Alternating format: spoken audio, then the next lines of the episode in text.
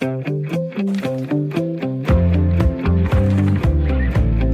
lytter til Dagen i dag med Jørgen Koldbæk.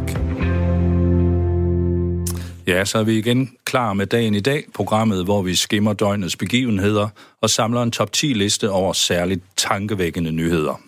Og den liste laves i dag af vores gæstevært, Jonas Dahl, direktør på Regionshospitalet i Randers og tidligere folketingsmedlem for SF og skatteminister.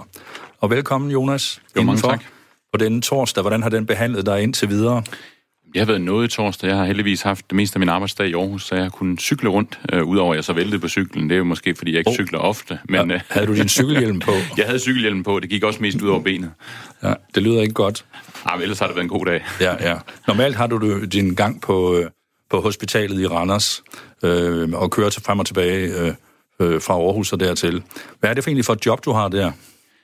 Jamen, jeg sidder som hospitalsdirektør og på et hospital, som dem vi har i hvert fald flest af i, i, i Jylland i hvert fald. Jeg kender ikke så meget organiseringen øh, på Sjælland, men øh, der sidder der en lægefaglig direktør, en hospitalsdirektør, en sygeplejefaglig direktør, og det er ligesom øh, den træledede størrelse, som, som ligesom har den overordnede ledelse af hospitalet, både i forhold til kliniske og kvalitetsmæssige ting, men selvfølgelig også i forhold til økonomien, og det er ligesom nok mit hovedansvar, det er økonomidelen. Ja, og der kom du jo til øh, for to-tre år siden, efter at have haft en politisk karriere, hvor du sad i Folketinget og også opnåede at være skatteminister. Hvor lang tid var det egentlig, du nåede at være skatteminister? Og det var lige under to måneder. Jeg faktisk jeg har ikke helt tallet på Nej. det. Det er sådan lidt, hvordan man tæller det, om det er, når man træder helt af, eller hvordan ja. det er. Men det blev en kort periode, for det var jo i, uh, i uh, regeringen uh, Helle thorning Schmidt, hvor I uh, var inde fra SF, og I besluttede at trække jer ud af regeringen igen.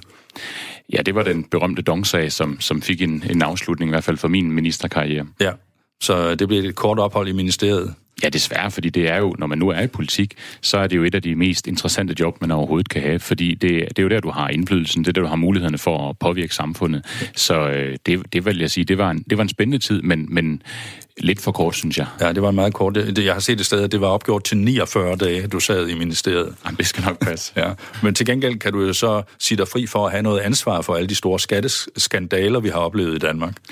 Ja, det ved jeg ikke. Jeg er i hvert fald også blevet indkaldt til kommissionsundersøgelser som alle andre, og det er jo sådan, at retten skal være øh, gå på den rigtige måde. Det betyder selvfølgelig, at alle skal afhøre sig der, blandt selvfølgelig også mig. Ja, okay. Har du noget at tilstå der? Ej, jeg tror, at de der 49 dage, som var hen over julen og, og nytår, der, der tror det er begrænset, hvor stort et aftryk, jeg, jeg kunne nå at få sat på, det, sat på det. Ja, og nu sætter du så i stedet din aftryk i Randers på det meget store hospital. Er du glad for det job? Det er et fantastisk job. Øh, det her med at kunne gøre en forskel, både i forhold til ledelsesmæssigt over for de små 2.000 medarbejdere, vi har i Randers, men jo også i forhold til de borgere, som bor i vores optageområde, det er sådan set det, der optager mig allermest. Det her med at sige, hvordan kan vi skabe de bedst mulige sundhedsmæssige rammer og behandle flest mulige borgere, øh, og, og forhåbentlig også gøre dem raske. Det er jo et, et vanvittigt øh, vigtigt job, og, mm. og noget, jeg, jeg elsker. Jeg vil sige, det, øh, jeg, jeg har meget få dage, hvor jeg tænker, at det bliver en hård dag. Jeg glæder mig stort set altid, når jeg sætter mig i bilen og triller mod Randers. Dejligt at høre, og vi glæder os over, at du er til stede her i studiet i Aarhus, og hvor du jo har påtaget dig den opgave at øh, lave en top 10 liste over dagens mest tankevækkende nyheder. Så jeg er spændt på at høre nu, hvad du har lagt ind på plads nummer 10. Jamen, der bliver vi jo lidt i, i min fortid øh, som, som tidligere skatteminister. Ja. Så kommer der i dag øh, ny forskudsopgørelse for, for alle danskere, og det synes jeg jo faktisk er, er, det er jo både lidt en serviceoplysning, men det er jo sådan set også interessant, fordi ja. der er sikkert mange, der har omlagt lån i løbet af året, og det vil sige, det er også nu, man skal ind og ændre sin forskudsopgørelse, således at man betaler den, den rigtige skat allerede fra januar måned, fordi ellers så ender man jo med at få et skattesmæk, og det er de færreste af os, der synes, det er en god oplevelse. Ja, ja. Så det er i virkeligheden en vigtig dag i dag. Ja, skattemæssigt er det jo en vigtig dag, og det er jo også noget, man skal være opmærksom på, fordi det jo kan få en indflydelse på ens private økonomi, og det er jo som regel noget af det, vi er ret opmærksomme på. Når det har en indflydelse på vores egen pengepunkt, ja. så har vi jo også en sens til at interessere os bare en lille smule for det. Ja, det er jo det, det som amerikanerne kalder news you can use, altså nyheder, der kan bruges til noget. Øh, er, er du selv omhyggelig med at få udfyldt øh, dine skemaer på rette tid og sted? Jeg, jeg prøver, øh, men, men øh, jeg vil sige, jeg har ikke været inde og tjekke i dag, men det er i hvert fald noget, jeg godt ved, jeg skal ind og have tjekket, fordi jeg er en af dem, der har omlagt mit, mit boliglån her i løbet af året, så, så jeg har da også noget, der skal tilpasses. Ja, jeg må nok indrømme, jeg selv er lidt... Øh øh, hvad skal man sige, øh, det er ikke altid, jeg lige får det gjort. Tror du, der er mange, der har det på den måde i Danmark, man tænker, ja, ja, det går jo nok sin gang. Jeg tror, der, der er mange, der tænker over, at det kører per automatik, og det gør det jo også. Ja. Men det betyder jo også, at når nu renten har gået nedad, og mange har lagt lånene om, jamen, så betyder det også, at man kan se frem til et ganske pænt skattesmæk, hvis ikke man får det rettet til. Ja. Øh, og så er der jo også forskellige fradrag, man skal være opmærksom på, og, og det er jo ikke sådan en skattefar, han tænker, nå jamen, jeg lægger der lige lidt ekstra på for at være venlig. Øh, det, det er sjældent, det sker. Ja. Så derfor skal man være opmærksom på, at man får indberettet de rigtige fradrag, befordringsfradrag, eller hvad det nu kan være, ja. man har fradrag. Så det, det er jo en opgave, man, man skal tage på sig, og der, der er det da tror, det er godt betalt at lige tænke sig lidt om at kigge på det. Det er det garanteret. Og nu er jeg selvfølgelig nødt til at spørge dig, både som almindelig borger og som tidligere skatteminister, betaler du din skat med glæde? Jeg betaler min, min skat med meget stor glæde. Jeg øh, synes, vi har et fantastisk samfund i Danmark, og, og der er meget at være stolt af. Og jeg vil også sige, at når jeg henter min datter i børnehave, eller den anden datter i, i skolen, så må jeg sige, så bliver jeg imponeret over, hvor, hvor velfungerende det danske samfund er. Øh, jeg vil også sige, at jeg er stolt over, når jeg møder de, alle de medarbejdere, der nu er på arbejde på, på hospitalet i Randers, og den indsats, de yder, så synes jeg, der er grund til egentlig at være, være stolt over de ydelser, vi leverer, men jo også al den service, man, man leverer mange andre steder i velfærdssamfundet. Mm. Så jeg vil sige, at jeg er en af dem, der i den grad betaler min, min skat med glæde. Mm. Du, du taler velfærdssamfundet op. Man hører jo ellers meget, meget ofte hård kritik af, så dur det ene ikke, så virker det andet ikke. Øh, det hører du jo garanteret også på hospitalet. Jamen det er klart, at vi modtager også klager, men jeg vil også sige, noget af det, jeg egentlig har bidt mærke i den seneste tid, det er, at vi får langt flere af de her rosemails, eller folk, der takker for, at de er blevet behandlet godt, eller fået noget godt at spise, og taget godt hånd om. Og det, det varmer faktisk min hjerte, og, og det er også noget af det, man kan tage med ud til medarbejderne. Det tror jeg faktisk er vigtigt. Og så vil jeg sige, så har jeg det altid sådan, at når man også hører det her med at tale velfærdssamfundet sådan i den, den helt brede klinge øh, ned, så øh, hvis man er ude at rejse, Øh, og det er, man, det er jeg i hvert fald af til. Ja. Og så øh, kommer man hjem til Danmark. Så tænker jeg altid, hvor har vi det egentlig ret godt? Og ja. hvor er der mange ting, der fungerer godt i det danske samfund. Så ja. jeg synes, det er, sådan, det er et godt wake-up call, når man lige er, er lidt uden for landets grænser, så ja, siger, ja. ah, der er faktisk noget, der fungerer meget godt. Men er vi så i virkeligheden kvævlander, fordi der er jo hele tiden kritik af enhver af det, af det offentlige og den manglende velfærd, som man taler om? Jeg tror, vi er mange. Jeg tror måske særligt sådan, min generation også, som er vokset op med alle velfærdssamfundets goder, nogle gange øh, tager det lidt for som en, en given sag, og ikke rigtig har kæmpet for det. Og der tror jeg nogle gange, man lige skal stoppe op og sige, hvad er alternativet? Øh, og er det værd at, at, at kigge på? Og der tror jeg, de fleste alligevel konkluderer, at ah, der er nok ret mange muligheder. Øh, uanset om man er høj eller lav, har man mulighed for uddannelse og få passet sine børn og få en god skolegang. Ja. Så jeg synes, der er meget glædes over. Jeg har, nogle gange har jeg lidt fornemmelsen af, at vi, vi leder efter nålen i høstakken. Ja. Du, du ser hele høstakken i stedet for? Jeg tror, det, jeg synes, det er et eller andet sted, at livet bliver sjovere, hvis man vælger at se på det positive, i stedet for altid at se på, på det negative. Det har du i hvert fald gjort fra starten her på vores top 10-liste, hvor vi hørte, at dagen i dag var dagen, hvor forskudsopgørelserne kom ud, og det var på plads nummer 10. Jonas Dahl, hvad skal vi have på plads nummer 9 på vores uh, top 10-liste over tankevækkende nyheder? Jamen, jeg morede mig lidt over en nyhed, der kom fra Københavns Kommune, som øh, siger, at nu vil de til at plante flere æbletræer, for simpelthen at borgerne kan komme ud og, og plukke æblerne af, af træerne. Og jeg synes, der er noget... Øh, det er måske, meget, måske også meget kendetegnende for det danske samfund, at vi også godt kan have den her med at sige, jamen, hvad kan vi nogle gange gøre, der er godt for hinanden? Mm. Og jeg synes egentlig, det er et meget godt eksempel på, at jamen, går der nogen skov af andre ved, at Københavns Kommune planter æbletræer frem for så meget andet, og kan det så komme til almen vældes gavn, jamen så er det jo egentlig en god nyhed. Ja. Og, og det er jo det samme, når man går nu her i den her æbletid, øh, går ned ad en villavej, og så er der nogen, der sætter en kasse ud med æbler ud på gaden og, og står og øh, tager et par stykker. Ja. Det er jo sådan noget, som gør, at man også bliver glad øh, og tænker, jamen det er måske også noget om den sociale kontrakt, vi har med hinanden i Danmark. Og igen den der med, vi har det egentlig meget godt, men vi kan også godt dele ud af, af de glæder, der nu er. Så jeg synes faktisk, det er en positiv historie, ja. at, at Københavns Kommune siger, vi vil også gerne bidrage lidt til, til den del af festen. Ja, ja. Og så vil øh, kvævlanderne, som vi jo har mange af, som bekendt, og som allerede nævnt, sige, det kan vel ikke være en kommunal opgave at plante æbletræer. Nej, men man kan sige, hvis de alligevel skal plante et eller andet for for eksempel at holde på, på vandet, eller for også at forskynde et område, så hvorfor ikke et æbletræ frem for alt muligt andet? Øh, jeg synes faktisk, det er en god historie. Jeg, jeg, kan, godt, øh, jeg kan også godt forestille mig mange familier, som vil have en, en god eftermiddag ved at i løbet af efteråret at komme hen og, og plukke æbler. Mm. Ser du det her som et udtryk for, at Danmark jo er et meget venligt samfund? Øh, man taler også om, at vi er et tillidssamfund. Vi har stor tillid til hinanden. Jamen det tror jeg da. Øh, altså når man vælger at kan sætte en hel kasse æbler ud, og, og ikke tænker på, at der er nok en, der kommer med en pose og hælder dem alle sammen ned og tager dem med hjem, men tænker, hey, der er måske nogen, der tager et par stykker, og så er der, den næste, der er også noget til den næste. Mm. Det er jo et udtryk for, at vi, vi grundlæggende har tillid til hinanden, og, ja. og, og det er altså ret unikt, når vi også ser en international sammenhæng. Ja, fornemmer du på nogen måder, at den tillid, den er under pres eller under angreb? Jamen det tror jeg der er ingen tvivl om, den er, men det kommer jo i høj grad også an på, hvordan vi agerer både som voksne, men også, hvad er det for nogle rollemodeller, vi vælger at være for vores børn. Ja. Altså, tømmer jeg kassen, jamen så ser mine børn også, at jeg tømmer kassen. Tager jeg et æble, ja. så viser jeg også, hvad, at der måske skal være noget til nogle andre. Så jeg ja. tror at i høj grad, vi har et ansvar alle sammen, som vi skal tage på os. Mm. Det er måske et spørgsmål om det, man kalder dannelse. I høj grad.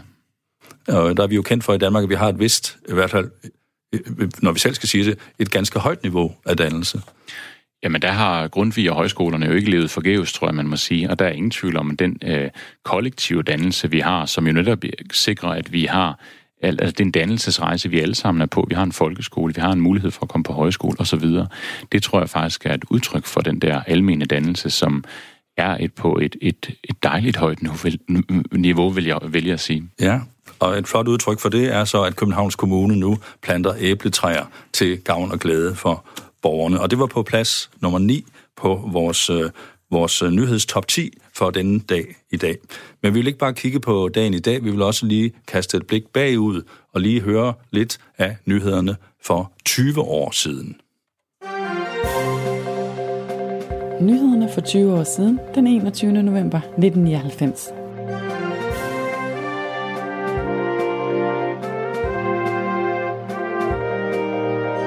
Udlandsdanskere slipper for ny skat. Fra nytår slipper udlandsdanskere med en privat pension i et dansk pengeinstitut for at betale den nye beskatning, der blev indført med pinsepakken. Og så peger en række forskere på, at regeringen allerede kort inde i besættelsen forsøgte at sætte en bremse for Dansk Industri Syndikats handel med tyskerne udenom de danske myndigheder. Sangerinden og multikunstneren Lotte Rømer går op med angsten for at indrømme et hørehandicap. I bogen var fortæller hun om sin kamp for at bryde den isolation, en kraftig nedsat hørelse tvang hende ind i. Du har lyttet til nyhederne for 20 år siden, den 21. november 1999.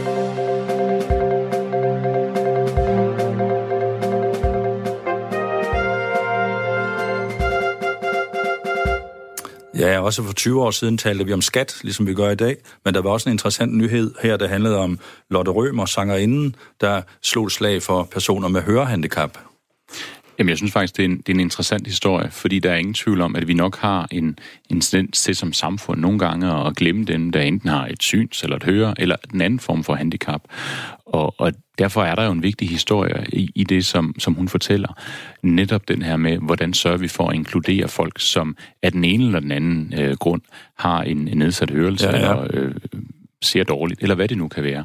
Så jeg tror faktisk, det, det fortæller jo også lidt noget til os som samfund. Hvordan husker vi også at tage, tage vare på hinanden? Ja. Øh, tager vi de tilstrækkelige hensyn? Øh, hvordan holder vi døren, når, når den hører, eller hvad hedder det, øh, den blinde går ud igennem døren, eller, eller vælger vi bare at lukke den i? Det ja. er jo måske de der små ting, som også gør en forskel, hvor vi nogle gange skal tænke på, hvad er det en forskel, jeg kan gøre for, for mine medmennesker også. Ja, der er stof til eftertanke der.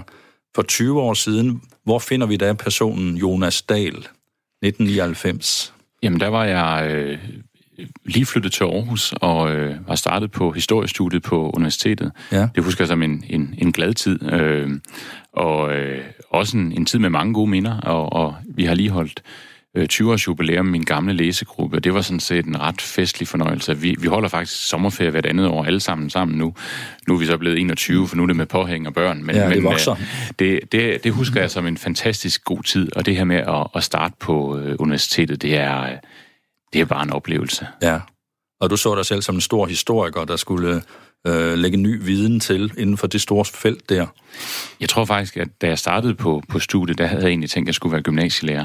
Øh, det, det var i hvert fald det, der var min store tanke dengang. Ja. Altså, livet har så formet det anderledes, men, ja. men det var i hvert fald det, jeg tænkte og øh, hvad, dengang. Og hvad med det politiske? Hvornår dukkede det op i din handling? Jamen, det dukker faktisk op en del år før, i, i allerede starten af 90'erne. Øh, men, men er så væk faktisk her i, i slutningen af 90'erne, har jeg ikke den store øh, aktivitet inden for det politiske, nej, så nej. den kommer faktisk, bliver først tager for alvor fart først nogle år senere, faktisk. Ja, ja. Øh, men så du, så du dig selv på venstrefløjen eller på højrefløjen? Hvor, hvor stod du henne dengang? Jamen, I 99 er jeg, er jeg også medlem af SF og, og har, har været politisk aktiv i SFU i nogle år, men, mm. men bliver træt af ungdomspolitik og, ja. og dropper det, og, og så vælger jeg at nyde studielivet og, og måske også lidt for mange fester i, i, i, i hvad man sige, slut 90'erne og starten af 0'erne. Nej, men kan man have for mange fester? Det kan man vel ikke? Det var i hvert fald et, et godt og gladt øh, studieliv, jeg havde der øh, i den tid. Det er i hvert fald de minder, jeg har fra det. Ja, ja, ja. Og, øh, og du har haft glæde af det, gå ud fra det du, øh, det, du studerede indimellem, når du ikke var til fest. Jamen, jeg husker da, jeg har da mange gode minder om min studietid, men jeg vil også sige, at der er også nogle ting, hvor jeg tænker, hvad er det lige konkret, jeg har brugt? Men der er ingen tvivl om den her refleksion over store stofområder osv. Det tror jeg er noget, jeg har tilegnet mig igennem mit historiestudie, og det har jeg kunnet bruge både i politik, men bruger det også i dag ja. i, i det job, jeg sidder i nu, fordi der er enormt meget tekst at læse. Hvordan er det, du er i stand til at identificere, hvad er det vigtigste i det her? Mm-hmm. Øh, så der er ingen tvivl om, at mange af de redskaber, jeg alligevel har tilegnet på en humanistisk uddannelse, som jo ellers ikke er noget positivt at snakke om øh, i disse tider, ah. det, der, mm. der har jeg lært meget godt, og det har jeg taget med mig videre i livet. Det er der ja. ingen tvivl om. Super. Og nu skal du tage os lidt videre her på top 10-listen. Vi er nået til plads nummer 8. Jamen, jeg blev mærke i en, en nyhed, der var, at øh, hvis det nu for alvor skulle regne i nat, så, øh, så slår vi en 52 år gammel øh, vejrrekord med øh, det vådeste efterår, og jeg tror, der skulle kun nogle få millimeter til faktisk, så, så er vi tilbage til 1872. Ja, ja for at slå en rekord. Så så lang tid man har talt, hvor meget det regner sådan set i efteråret, så slår vi den rekord med høj sandsynlighed her i november. Det synes jeg faktisk er tankevækkende. Og det fortæller måske et lille billede i hvert fald af, hvad er det for nogle klimaforandringer, vi måske er ved at se. Ja. Øh, og jeg synes, der kommer flere og flere af de her eksempler. Mm. Så det var faktisk en nyhed, jeg, jeg reflekterede lidt over ja. i forhold til at sige, de her klimapåvirkninger, det er måske ikke bare snak. Det er måske noget, vi begynder at, at mærke øh, helt øh, ned på, på kroppen i forhold til, at det, det har regnet mere mm. i løbet af efteråret, end det har gjort tidligere. Ja, ja. Nu havde vi jo et meget, meget varme sommer sidste år, og så nu har vi så et meget, meget våde efterår her i 19. Tror du, at det er med til at give folk den nye bevidsthed om, at der er noget galt med klimaet? Jeg vil sige, jeg, jeg tænker ikke over det nødvendigvis i dagligdagen, men, men øh, når der så kommer sådan en nyhed om, at det er faktisk det vådeste efterår, vi, vi kan regne med sandsynligvis i, i næsten 150 år, øh, så giver det alligevel den der refleksion. Jo, måske er der alligevel noget om det, og jo, det har faktisk været, været våde sokker, hvis man har cyklet eller gået en tur i, i, i store dele af efteråret. Så, så jeg tror faktisk, der er en del ting, som, som sender de her signaler, men jeg tror, det er først, når de bliver summeret op, ja. vi alligevel får refleksionen omkring. Ja. Det er nok klimaet, der er ved at forandre sig. Ja, ja, ja. Men så er spørgsmålet jo, skal vi så blive angste og panikslagende, eller skal vi sige, vi finder nok en løsning på det? Hvordan, hvordan, hvordan angriber du området der? Jamen, et meget godt billede på det var det sådan set i, i morges, jeg sad med min datter, og hun skulle, hun skulle have nogle, nogle sange med til hendes veninde, for de skulle til klaverundervisning, og de, hun skulle skrive dem ned, og det stod ikke særlig pænt, synes far. Så jeg sagde, kan du ikke skrive det på, på en ny side? Så siger hun, far, det går ud over regnskoven, så skal vi fælde et ekstra træ. Og så tænkte, så tænkte den der ja. lidt klimabevidste far alligevel, øh, det, det er okay, du tager den, den seddel med, du nu har skrevet på. Men, men jeg tror, det er et billede på, at blandt børn øh, og, og unge, der sker noget øh, i en helt anden grad, end, end, end jeg kan følge med i. Og jeg er i starten af 40'erne, så ja. så gammel føler jeg mig heller ikke. Men der er ingen tvivl om, at bevidstheden blandt øh, nu min datter på ni, øh, den er faktisk forbløffende stor. Ja. Hun forholder sig til, at der er klimaspørgsmål. Hun forholder sig til, når hun finder plastik på stranden det, det, det gør faktisk indtryk på mig, og jeg synes, det er noget positivt, at der faktisk er skabt den klimabevidsthed. Ja, ja. Så det er måske noget Greta Thunberg næsten, der er i gang. Det er jo det, at man kan, man kan sige, at det er meget positivt, at de unge i en meget tidlig alder er engageret, men man kunne jo også sige, undskyld, kan de ikke få lov til at være børn bare en lille bitte smule? Skal de virkelig nu sidde og være bange for klimaet? Jamen det er rigtigt, men jeg vil sige, det, det er sandelig ikke noget i hvert fald, hun har, hun har hørt derhjemme, eller blevet påduttet derhjemme. Men, men jeg tror, det er noget, som alligevel har gør et indtryk øh, for dem.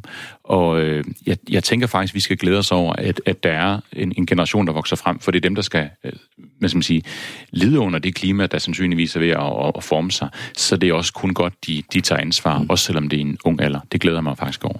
Vi glæder os over det. Du lytter til Radio 4. Ja, og vi er i gang med dagens uh, top 10 liste over de mest tankevækkende nyheder, og den liste den bliver sat sammen af Jonas Dahl, sygehusdirektør i Randers og tidligere politiker for SF. Og vi er jo faktisk nået frem nu, Jonas, til plads nummer 7. Hvad har du til os der? Jamen, der ved jeg mærke i, at uh, Coldplay, som er nogle af dem, jeg har lyttet rigtig meget til, uh, rent musikalsk, ja. uh, de aflyser deres verdensturné, men de gør det faktisk med en interessant grund. Det er på grund af, klimaet. Det er simpelthen for at nedsætte den klimapåvirkning. Så vi bliver ja. lidt i den her klimadagsorden. Men, men, men det er jo interessant, fordi hvad er det for en nudging, der et eller andet sted sker her? Hvad er det for nogle små signaler, nu også nogle politikere, eller hvad hedder det, nogle, nogle ikke politikere, ja. men, men kunstnere sender, netop, netop måske til politikerne om, ja. vi tør godt handle, hvad ja. tør I? Ja. Og der synes jeg, at man må sige til det politiske niveau, at, at der, der er ikke sket særlig meget, og det synes jeg, der er lidt bekymrende, når vi har, nu var vi inde på det tidligere, blandt børn og unge, nu er der også i det kreative miljø, der er der altså også nogen, der siger fra og siger, hov, der er noget, vi skal forholde os til. Ja, jamen. så så det, det synes jeg er igen et signal om, at der sker noget på den her klimadagsorden. Og jeg tror ikke helt, vi har fanget volumen af det endnu, og det, der sker. Men, men jeg synes, det kommer rullende. Jeg kan se det blandt mine egne medarbejdere i Randers. Øh, opmærksomheden på at sortere plastik. Ja. Opmærksomheden på at mindske forbruget. Ja.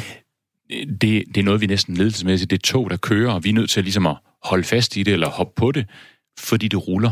Fordi det er medarbejderne, der, der, der, medarbejderne, der, der rykker der med det. Ja. ja, og vi kan også se, det er nye medarbejdere, der siger, det der kommer ind og siger, det her, det, det er faktisk noget, der betyder for os i forhold til at, at vælge en arbejdsplads. Og det tror jeg egentlig, vi som arbejdsgiver også kommer til at forholde os til at sige, okay, vi er nødt til at have nogle andre parametre. Det er ikke kun løn og arbejdstider. Mm. Det er også om, at vi er en, en, en, en virksomhed eller en arbejdsplads, øh, som også forholder os til for eksempel klimaspørgsmål. Ja. Øh, det tror jeg faktisk er helt afgørende. Og øh, den eftertanke, det giver, det, det, det, det, det tror jeg er sundt. Øh, og jeg kan se, at de projekter, vi nu har i gang i, i Randers, jeg ved, der er mange andre projekter andre steder, både ja, ja. private og offentlige virksomheder, det tror jeg er, er en bølge, der, der kun, vi har kun set starten på det nu. Jeg kan se bare på det sidste halvandet år, der er det en, en eksplosiv udvikling, og, og det synes jeg er meget, meget spændende. Og du opdager, øh, oplever det i det daglige, hvor folk kommer ind, dine ansatte kommer ind og siger, hvorfor gør vi ikke sådan med det der plastik, hvorfor genbruger vi ikke det og det? Øh, I køkkenet er der også folk, der har idéer går ud fra med alle mulige ting der.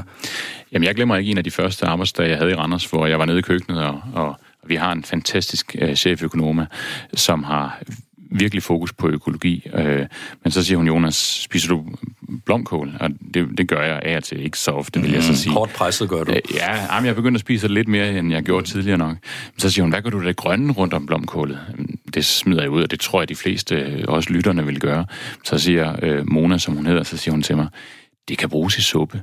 Og jeg tror i hvert fald, det er et meget godt billede på, at man faktisk kan bruge råvarerne på en helt anden måde. Og ja. det her med at tænke øh, kæden hele vejen ud, tænke øh, mindske ressourceafsættet øh, og mindske ressourceforbruget. Det har de været gode til i, i køkkenet nu øh, på vores, eller på det hospital, hvor jeg er. Ja. Og, og det synes jeg faktisk er forbilligt, hvordan man har lykkedes med det. Og det, det har i hvert fald også givet den der eftertanke hos mig at sige, og der er måske også noget, jeg selv faktisk skal gøre i min dagligdag. Men hvad så med patienterne? Kan, kan de lide maden, når den så bliver lavet på den der meget, meget bæredygtige måde? De får øh, skyhøj ros, vil jeg sige. Det er, det er fantastisk at læse de beskrivelser, der kommer fra, fra øh, patienter og, og sådan set også personale. Øh, så, så vores kantine har et, et særdeles godt ry, og jeg tror også, patienterne har en, en oplevelse af, at det faktisk er vel til rette lavet mad, og, og det er, er lækker mad. Og det, det er jo det vigtigste, for det vigtigste er trods alt også, at man får noget næring i sig, når man har været syg eller er mm. svækket og, og skal komme til hægterne igen. Ja, spændende, spændende udvikling, vi har i gang øh, netop nu. Øh, lad os lige et øjeblik dvæle ved, hvad der egentlig var i nyhederne for 10 år siden. Nyhederne for 10 år siden, den 21. november 2009.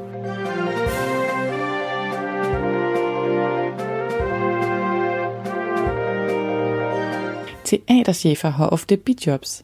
Der er oprør i teaterverdenen over, at den succesrige direktør for Østre Gasværk Teater i går blev fyret og bortvist på grund af et bidjob. Gravide fra falske løfter. I håb om at kunne helbrede sygdomme betaler forældre for at få gemt barnets stamceller. Men de bliver naret, siger forskere. Og så taler overrabineren Bent Melchior ud om udlændingedebatten. Han mener, at DF bidrager til demonisering, modvirker integration og skærper angst. Og han mener også, at S og SF har lagt sig i præcis samme spor. Du har lyttet til nyhederne for 10 år siden, den 21. november 2009.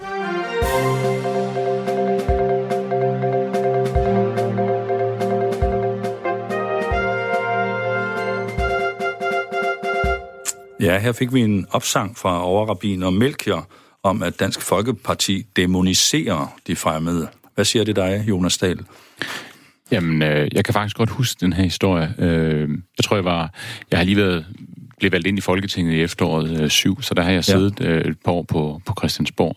Og der er ingen tvivl om, at den debat, vi fik dengang, og, og måske var det lidt... Øh, efter de her tegninger i krisen, så rullede øh, flygtninge-indvandrerdebatten og islamdebatten sådan frem og tilbage lidt i bølger. Først den ene vej, så den anden vej. Ja. Men, men jeg tror da også, man må sige helt overordnet, så, øh, så skabte det en fremmed frygt, øh, og den bidrog, tror jeg, alle politiske partier sådan set til. Mm-hmm. Øh, desværre tror jeg også, og det vil være min, min personlige betragtning også i dag, at man har også bidraget til at tale det negative op. Øh, meget, meget sjældent vi også hører, ja. øh, også sådan set i medierne, om de velintegrerede øh, fremmede, der er kommet til at bidrage til det danske samfund. Mm. Øh, så jeg kan godt ærge mig over, at man også politisk, og det har sikkert også selv bidraget til øh, på et tidspunkt, ikke i højere grad fik balanceret kommunikationen i forhold til, hvad er det, vi skal stille nogle krav? Selvfølgelig ja. Men der er altså rigtig mange, der lever op til de krav. Der er rigtig mange, som bidrager med rigtig, rigtig meget. Øh, og der tror jeg, man må sige, hele flygtninge indvandrerdebatten mm. i mange år var kørt ud af en tangent. Jeg mm. fornemmer måske en lille smule, at det ved at gå, ja. i min højde i hvert fald, den, den, den lempeligere vej igen, og det tror jeg er godt for, for alle sådan set. Men vi har virkelig talt meget om flygtninge og indvandrere i de år.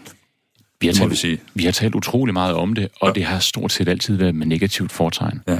Øh, vi, øh, vi har glemt at og måske også tale om der kunne også være alle mulige andre sociale udfordringer i det, men vi har glemt at tale de positive historier op, og jeg tror, det er sådan, ligesom vi snakkede lidt om med velfærdssamfundet mm. tidligere, der leder vi også efter nålen i høstakken. Ja. Vi skal huske nogle gange at se på det samlede, altså se på helheden. Det vil vi gøre, og her vil vi kigge på vores top 10 lister over dagens mest øh, tankevækkende historier, og vi er nået til plads nummer 6. Hvad finder vi der? Jamen, den her sag om højspændingsledninger, som har kørt blandt andet i Jyllandsposten igennem de ja, vel næsten de seneste uger. Ja, lang historie. Øh, det, er en, det er en lang historie, men, men jeg, jeg kunne ikke lade være med at reflektere lidt over, hvad, hvad er det, der gør, at det bliver en historie? Og det er jo meget sigende måske også til Jyllandsposten, der har taget den op. Fordi øh, havde vi haft diskussion, hvis det var en højspændingsledning fra, lad os sige, fra Christiansborg hen over Østerbro og op over kartoffelrækkerne op i Hellerup, ja. Øh, det var aldrig blevet en diskussion, for det havde aldrig været et scenarie, man kunne forholde sig til. Nej. Vi havde aldrig set en højspændingsledning, der, der krydsede ind igennem København, eller Aarhus for den sags skyld, eller Aalborg. Øh, og, og, og her er det jo en ledning, der skal gå ned gennem Vestjylland, lang, lang ledning, øh, øh, som kommer til at gå igennem mange, mange, øh, mange naturområder og landbrugsområder derude. Jo, jeg synes også, der, der var op til 700 øh, lodsejere, og jeg tror også, det var boliger, der ville blive berørt i en eller anden øh, ja. forstand. Det kan undre mig, jeg tænker, hvor, hvorfor har man ikke gravet den ned fra starten af? Hvis det havde været inde i en byområde, så havde vi ikke betænkt os et øjeblik på at grave det ned. Men det er jo nok for øh, dyrt, siger man det kan godt være, det er for dyrt, men, men spørgsmålet er, hvad vi kan være bekendt os over for, for andre, fordi det her med at få folk til at flytte fra hus og hjem ja. på baggrund af, af højspændingsledninger, det vil vi jo aldrig have prioriteret i et byområde, ja. men med det som om, når det er et landområde, så er det lidt mere legitimt. Øh, lad os nu se, om ikke også det kommer på rette spor. Det tror okay. jeg. Så du ser, ser det her som et eksempel på, hvordan man øh, i eliten i storbyerne øh, skalter og valter med landområderne, udkantsområderne, som man også kalder dem?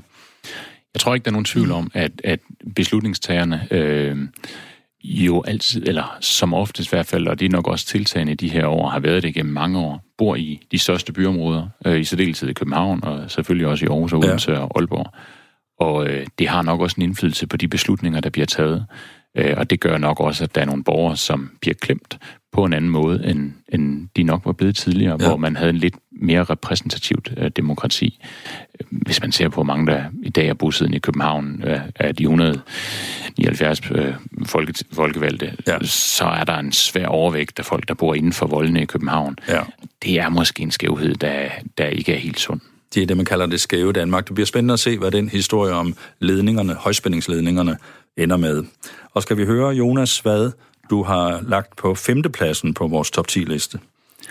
Jamen, det er sådan set en, en, en positiv nyhed, øh, men med en lille øh, negativ bihistorie, kan man sige. Ja. Fordi det handler om, at danskernes alkoholforbrug er, er faldende. Og det er jo godt, at det er faldende. Den negative side er, at det er fra et ufatteligt højt niveau. Ja. Øh, og jeg vil sige, noget af det, som, som faktisk overraskede mig, da jeg startede i Randers, mm.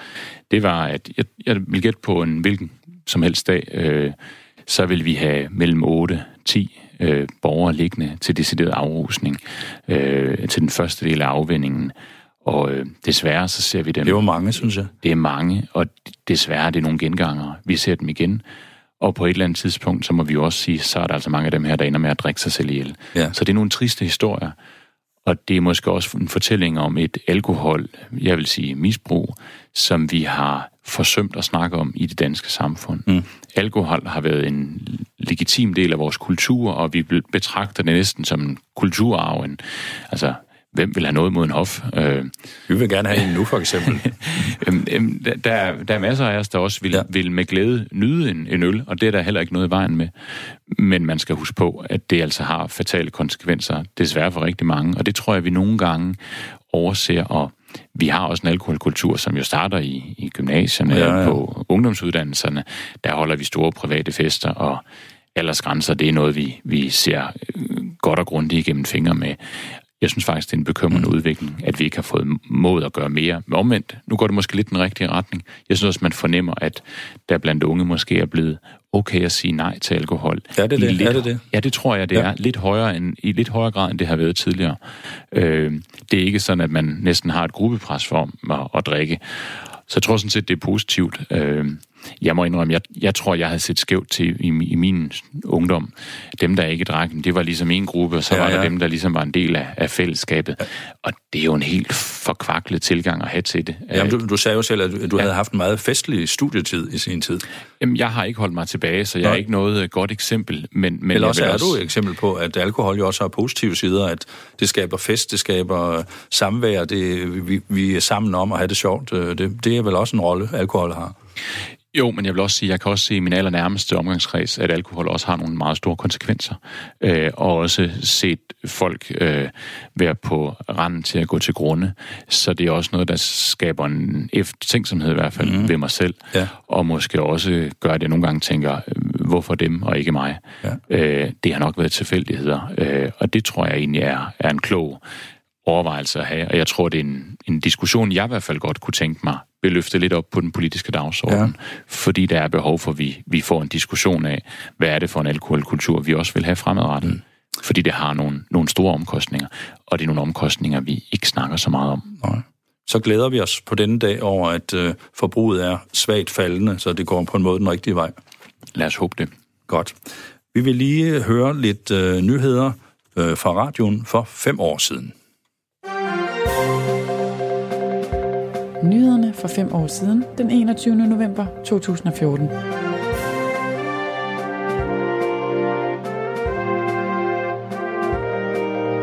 Hver anden kartoffel kasseres. Det er hørt før, men danskernes madspild fortsætter, og halvdelen af alt produceret mad ender i affaldsspændene og ikke i maven. Kvinder skal undersøges for købemani. En undersøgelse af danske kvinder skal vise, hvordan man kan forbedre behandlingen af shopaholics. Og så var det dagen, hvor bokselegenden Tom Bux fyldte 70 år. Du har lyttet til nyhederne for fem år siden, den 21. november 2014.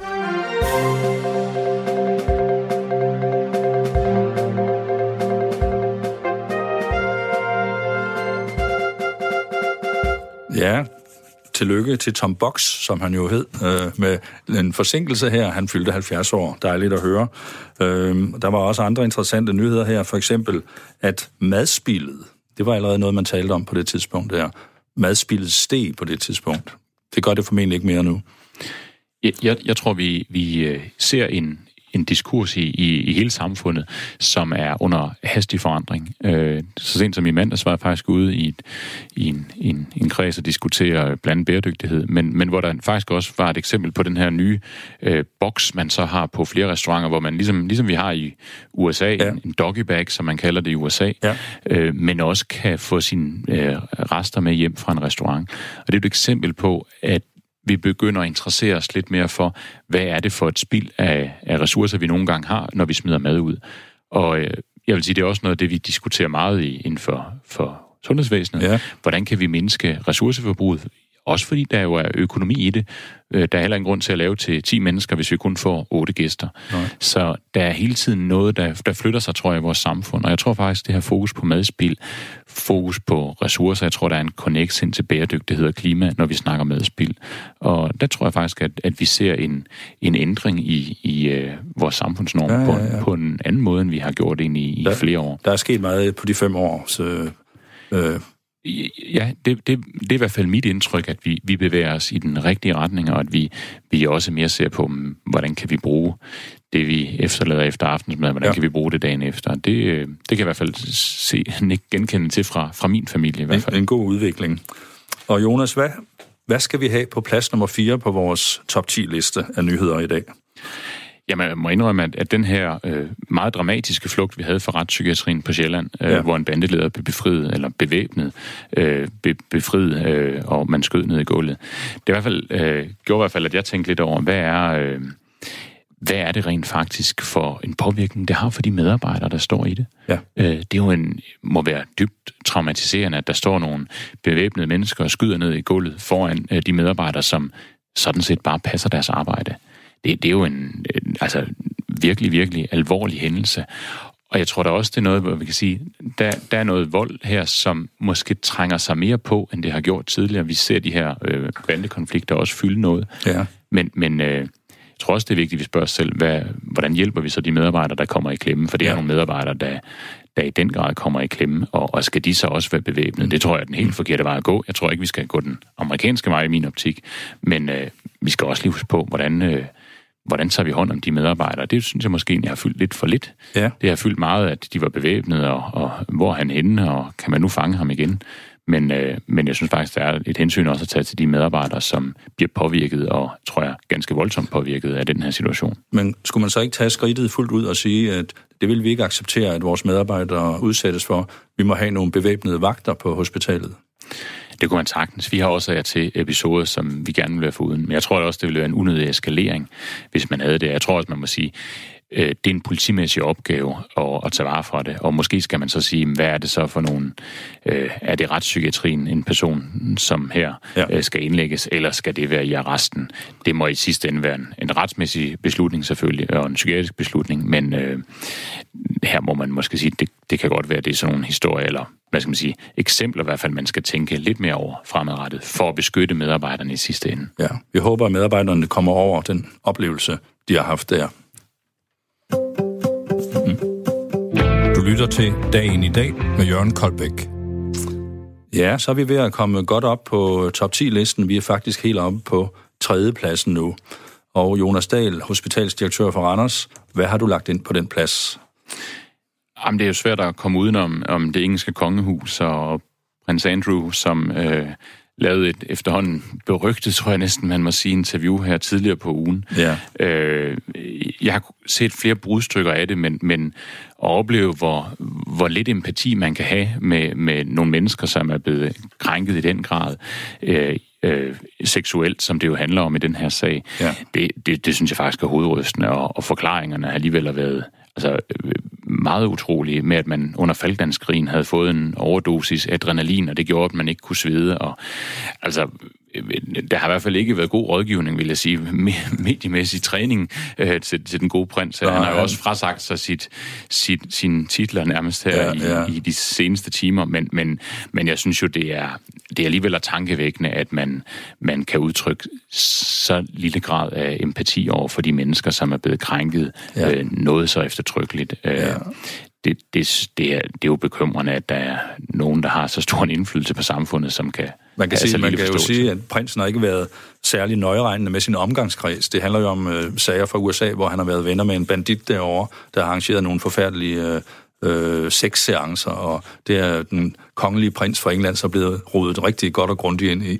Jo, spørgsmålet er jo, og det er jo det spørgsmål, der er rejst, så det er, om han har deltaget i det. Det, det er der jo ikke nogen af os, der ved, men øh, det er der i hvert fald nogen, der har, har, har sagt, at han har deltaget i det, og det, det er jo da beskæmmende, hvis det er tilfældet. Ja, ja, det lyder som om, han ikke rigtig kan huske, om han har deltaget i det. Nej, og det, det, det, det er måske næsten det værste at sige i sådan en situation, fordi ja. så klister mistanken i hvert fald helt sikkert til en. Ja, ja. Hvad siger det også om det kongelige? Altså, nu, nu har, taler vi om det engelske kongehus her, og de har jo været igennem skandaler derovre. Hvor lang tid kan de fortsætte, tror du, med at drive det, det royale system i England?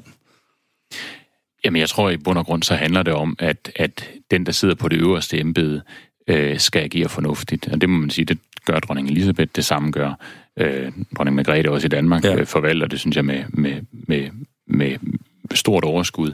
Øh, så, så det bliver nok ikke afskaffet hverken i, i Danmark eller England, så længe vi har en regent, som agerer fornuftigt. Men i det øjeblik, der er en regent, som agerer som den øh, førnævnte prins, ja, ja. så tror jeg, at kongehuset meget hurtigt øh, vil forsvinde, og det tror jeg er, det tror jeg faktisk også, at man i kongehusene rundt omkring er meget bevidst om, at man, man faktisk skal tænke sig om, og det er måske også derfor, man er blevet lidt hurtigere til i det her tilfælde at stridt prins Andrew ud, fordi man kunne godt se, at det her, det var ikke noget, der kunne reddes og heller ikke forklares, nej, nej. og så skal man lade være med det. Men, men jeg tror, det samme vil gælde, så gør sig gældende i det danske kongehus, så længe dronning Margrethe, så længe hun er her, og, og efterfølgende, øh, ja, det vil jo så blive øh, kronprins Frederik, når ja. han bliver konge en dag, jamen så længe de agerer fornuftigt, så tror jeg, der vil være tilfredsstillelse med, at man har et kongehus, men, men dommen ja. kan komme meget hurtigere og gå den anden vej, hvis ikke man kan efterleve det, som vi har en forventning om, de, de skal. Og men, men hvordan ser du som gammel socialist fra Socialistisk Folkeparti, hvordan ser du på monarkiet?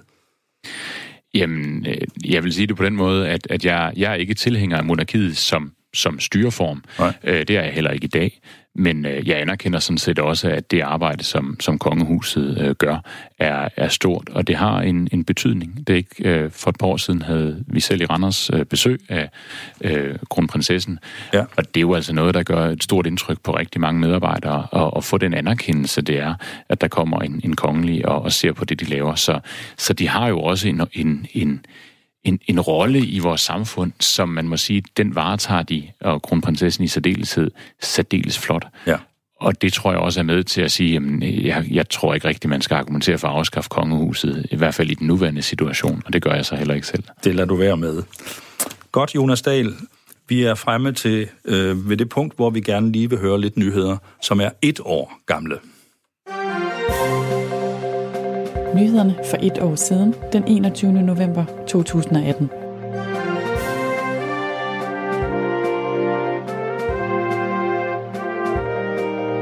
Trumps vindersag giver problemer ved domstole. Den amerikanske præsidents kamp mod ulovlig indvandring er populær blandt hans vælgere, men USA's domstole sætter hælene i. Og så var det dagen, hvor der blev berettet om den tragiske død på Nedim Yassar, der blev skudt på åben gade efter sin egen bogreception. Til sidst skal det nævnes, at Tove Ditlevsen igen er på alles læber med en række ny- og genudgivelser. Du har lyttet til nyhederne for et år siden, den 21. november 2018.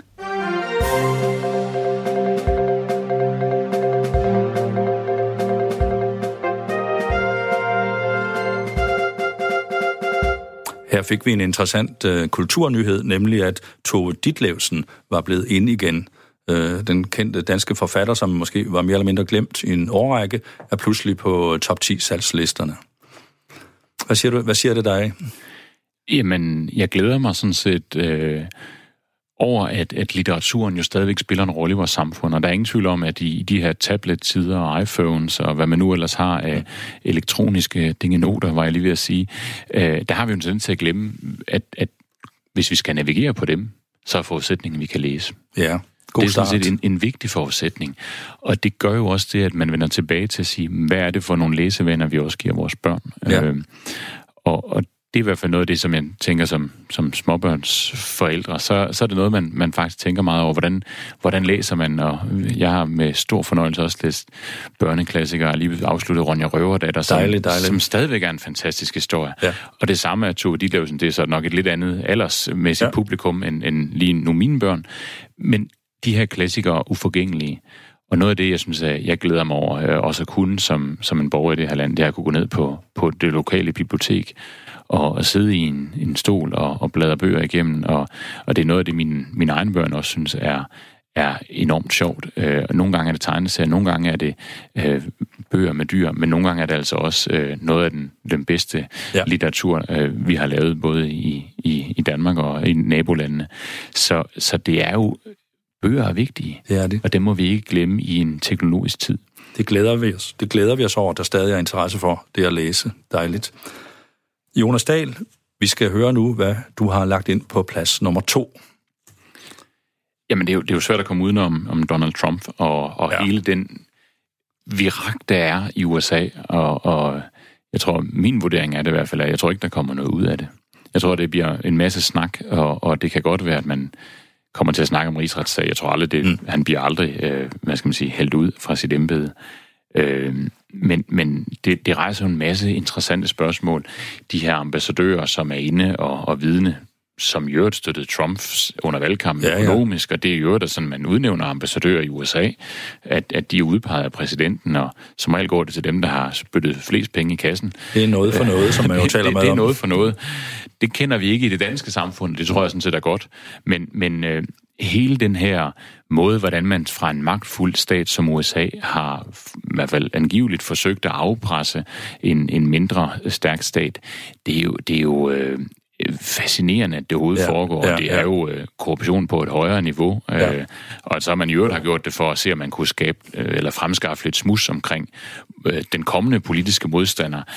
Man tænker ikke just demokrati, når man hører de her billeder. Hvor vi, hvad der er sandhed, det ved vi jo ikke Nej, heller. Det... Men, men det tager i hvert fald et billede af et, et noget af partesystem, og jeg tror også, man må sige, det er jo ikke kun Donald Trump, det tegner et billede af. Det er jo måske noget i den, den amerikanske øh, politiske system, hvor, ja. hvor øh, det kræver faktisk mange penge at stille op til politiske embeder ja. i USA. Det, det er det system, de har der. Du kender jo USA, du har jo faktisk boet i USA på øh, øh et tidspunkt. Jeg, jeg har boet i USA, jeg har gået i high school i USA, jeg har rejst meget i USA også ja. efterfølgende, og har stadigvæk en del kontakt med, med, med gamle skole. Og det er jo et fantastisk land at besøge. Det er jo et enormt fascinerende land, og jeg var der faktisk her i foråret over at holde nogle, nogle foredrag i øvrigt om det danske sundhedsvæsen, som også er interessant, fordi de har i hvert fald øh, begudet et, et andet sundhedsvæsen, men de er jo enormt fascineret af det, der er det danske øh, hvad skal man sige, velfærdssamfund og sundhedsvæsen. Men, men det er jo også kontrasternes land. Øh, jeg har både boet på et indianerreservat i, i det sydlige Arizona, og altså, levet i en skurvogn øh, med firsængs øh, køjer og, ja. og besøgte noget familie der, hvor, hvor komfuret, det var et støbejernskomfur, som vi kunne finde nede i den gamle by, og det er altså ja. kun 20 år siden. Ja. Men også kontrasterne op til det, de meget, meget rige USA. Så det er et kontrastfyldt land. Øh, men det sætter også nogle ting i spil. Jeg tror, der er ingen tvivl om, at min politiske bevidsthed mm. i hvert fald, den, den blev skabt øh, i de år, øh, mine forældre boede i USA, ja. og jeg gik i skole i USA. Og hvad var det, der gjorde det specielt? Jamen, det var det her med at se de kæmpemæssige kontraster. Altså, besøge en, en bedstemor til de her indianer, jeg boede hos, som ja. boede i en, jamen, det var en lærkline hytte. Sengen var nogle brædder, der var slået sammen med halm og et lag over, og så stod der det her støbehjemskomfur over hjørnet. Ja. Det, det var det, der var. Det var hjemmet. Øh, det var i 1996, det er ikke så mange år siden. Nej. Øh, det gjorde et utroligt stort indtryk på, på den store teenager, jeg var dengang. Ja. Øh, I forhold til at sige, hvad er det det for et samfund, hvor jeg så også gik i en privat skole i, i Seattle og rige del af USA, og manglede absolut ingenting, og det ja. gjorde mine klassekammerater heller ikke. Men, men kontrasternes land er det jo også. Ja. Og jeg tror i hvert fald, det skabte i hvert fald for mig at se også den bevidsthed om, at der er måske faktisk nogle ting, der fungerer godt i det danske samfund. Ja, helt, helt sikkert. Du fik en spændende inspiration derovre jeg tror, det lagde grundstenen til i hvert fald min, min politiske dannelse. Det ja, er der ingen ja. tvivl om. Ja, så jeg behøver nok ikke at spørge dig, hvad du mener om præsident Trump. Jamen, jeg vil da sige, jeg tror, der kun det kan blive bedre. Der er plads til forbedring. der er plads til forbedring, men, men øh, jeg vil også sige, at en af mine største personlige oplevelser, det var at høre øh, Obama live øh, en ja, gang. Ja. Han var en fantastisk retoriker. Jeg tror ikke, vi nødvendigvis får sådan en præsident igen, men, men øh, jeg, jeg, jeg kunne godt ønske mig noget, der var lidt anderledes. Lad os sige det på den måde. Det får du lov til at ønske. Radio 4 taler med Danmark. Ja, Jonas Dahl, så er vi jo nået frem til sandhedens øjeblik. Hvad er dagens mest tankevækkende historie, efter din mening, hvis man ser på hele nyhedsstrømmen? Jamen, jeg tror faktisk, det er en, det er en ret skældsættende historie, og jeg tror også, det er en historie, som som når vi kigger tilbage øh, på dagen i dag, om 10 og 20 år, mm. så tror jeg faktisk, det er noget, vi vil snakke om som noget, der, der var et afgørende afbræk på det, vi har set. Og det er, at man nu øh, lukker børn ud af Sjælsmark. Ja. Øh, udrejsecentret. Udrejsecentret, hvor vi har haft børn siddende bag pigtråd øh, i nogle helt vanvittige vilkår i rigtig, rigtig mange år. Det synes jeg egentlig er, øh, humanistisk set, er det jo dybt, dybt chokerende, at mm. vi ikke har ændret det langt, langt tidligere. Det er pinligt, og jeg tror desværre også, at man, når man kigger tilbage, vil sige, hvordan tillod man det i et dansk velfærdssamfund, at man sad børn, der sad buret inde, mm. ikke fik adgang til daginstitutioner, skoler og uddannelse. Jeg tror, det er nogle dybt traumatiserede børn, vi får ud af det her, og det tror jeg også, vi vil se om 10 og 20 år. Så jeg glæder mig i den grad over, at SF og mm. Radikale og Enhedslisten har lykkedes med at presse øh, den socialdemokratiske regering, for jeg tror, det er det, der er tilfældet, og rent faktisk har fået flyttet øh, de her børn ud. Det mener jeg sådan set er, er det eneste, vi kan være bekendt. Jeg opfatter det sådan, at det er øh, venstrefløjspartiernes øh, øh, krav for at støtte finansloven, det er, at de børn de bliver nu taget ud af Sjælsmark. Der er ingen tvivl om, øh, at det her det er, er slutspillet, tror jeg, på finansloven. Det har været en af de her knaster, der skal høvles af. Den skal nok lidt dekobles med, med sådan som jeg kender det politiske system, dekobles selve finansloven, men man må ikke, vi får en finanslov øh, mm. i, i bedste sendetid øh, på søndag. Det tror jeg, det, det, det, vi er fremme med målstregen. Det har været en af knasterne, der skulle høvles af. Mm. Det er den blevet nu. Og, øh, men jeg vil sige, i forhold til øh, den, de den betydning, det har for de her børn, så er det nogle store, og det er nogle positive øh, signaler, der kommer. Og ja. jeg, jeg glæder mig over, at vi, øh, man, man forhåbentlig også kan sætte en streg over det her og sige, det er ikke det stolteste øh, mm-hmm. kapitel i Danmarks historie. Hvorfor har det fået lov til at fortsætte så lang tid, som tilfældet er? Det er et rigtig godt spørgsmål. Jeg tror, det handler om den hele den der flygtninge, indvandrere, panik, der næsten har været i de seneste 10 år, hvor man ikke har vidst, hvilket ben man skulle stå på. Og det har gjort, at man har tilsidesat almindelige humanistiske principper, øh, respekten for menneskeliv, dem har man tilsidesat, øh, fordi man har, har hævdet, at det var i flygtningeindvandrernes øh, politikens tegn.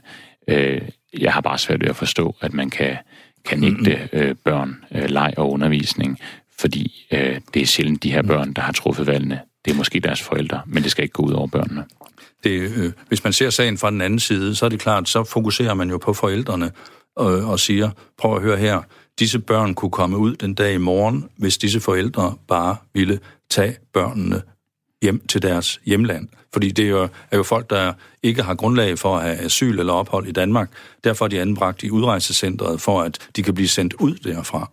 Og hvis disse forældre accepterede den afgørelse og rejste ud, så ville børnene jo komme ud af Sjælsmark. Det er vel argumentet. Og det er, jo, det er jo også et, et vældig validt argument. Jeg har bare svært ved at forstå, at den her konflikt, der så kan være mellem nogle voksne, øh, de her flygtninge indvandrere, og øh, måske, hvad hedder man sige, de etablerede myndigheder, det er i hvert fald ikke børnene, der skal komme i klemme. Og det synes jeg, det er blevet det her. Det, det er børn, øh, og jeg synes, vi har en særlig forpligtelse som et, et rigt samfund til også at sige, det skal i hvert fald ikke gå ud over børnene. Så kan man have nogle holdninger til forældrene, men, men øh, børn bag pigtråd, det synes jeg hører en helt anden tid til, og, og det tror jeg ikke, vi vil være stolte over, når vi kigger tilbage. Nå. Øh, der er jo forskellige grupper, der har engageret sig meget i det her, det man kalder civilsamfundet. Altså folk, der, der danner små bevægelser, og der, der har været bedste mødre og bedste forældre, der har stået og demonstreret dernede. Tror du, det spiller en rolle, eller er det lidt spild af tid, alt det der med de velmenende mennesker, der løber rundt og demonstrerer lidt? Jamen, jeg tror altid, sådan noget har en, en, spiller en rolle. Jeg tror ikke, det er det, der har været udslagsgivende. Men, men det har måske været vigtigt over for de her børn at, at have nogen, som, som måske faktisk øh, kunne hjælpe dem bare en lille bitte smule. Og det tror jeg, man skal huske på, i at humanistisk set har det måske været vigtigt for, for børnene, mm. øh, at der har været nogen, der har talt deres sag, og nogen, der i hvert fald har prøvet også hen ad vejen og, og give dem nogle mere tålige vilkår, også inde på Sjælsmark. Men, ja. men øh, jeg tror, det udslagsgivende det er nu, at nu har, man, nu har man valgt at sige, at det har været en politisk diskussion i forbindelse med finansloven, ja, det er, og, og det, øh, det er så det, der har båret igennem. Øh. Ja, ja. Men, men, men der er jo trods alt også stadigvæk den der tanke, der hedder, at vores demokrati, den lever jo af folk, som er aktive og gør noget.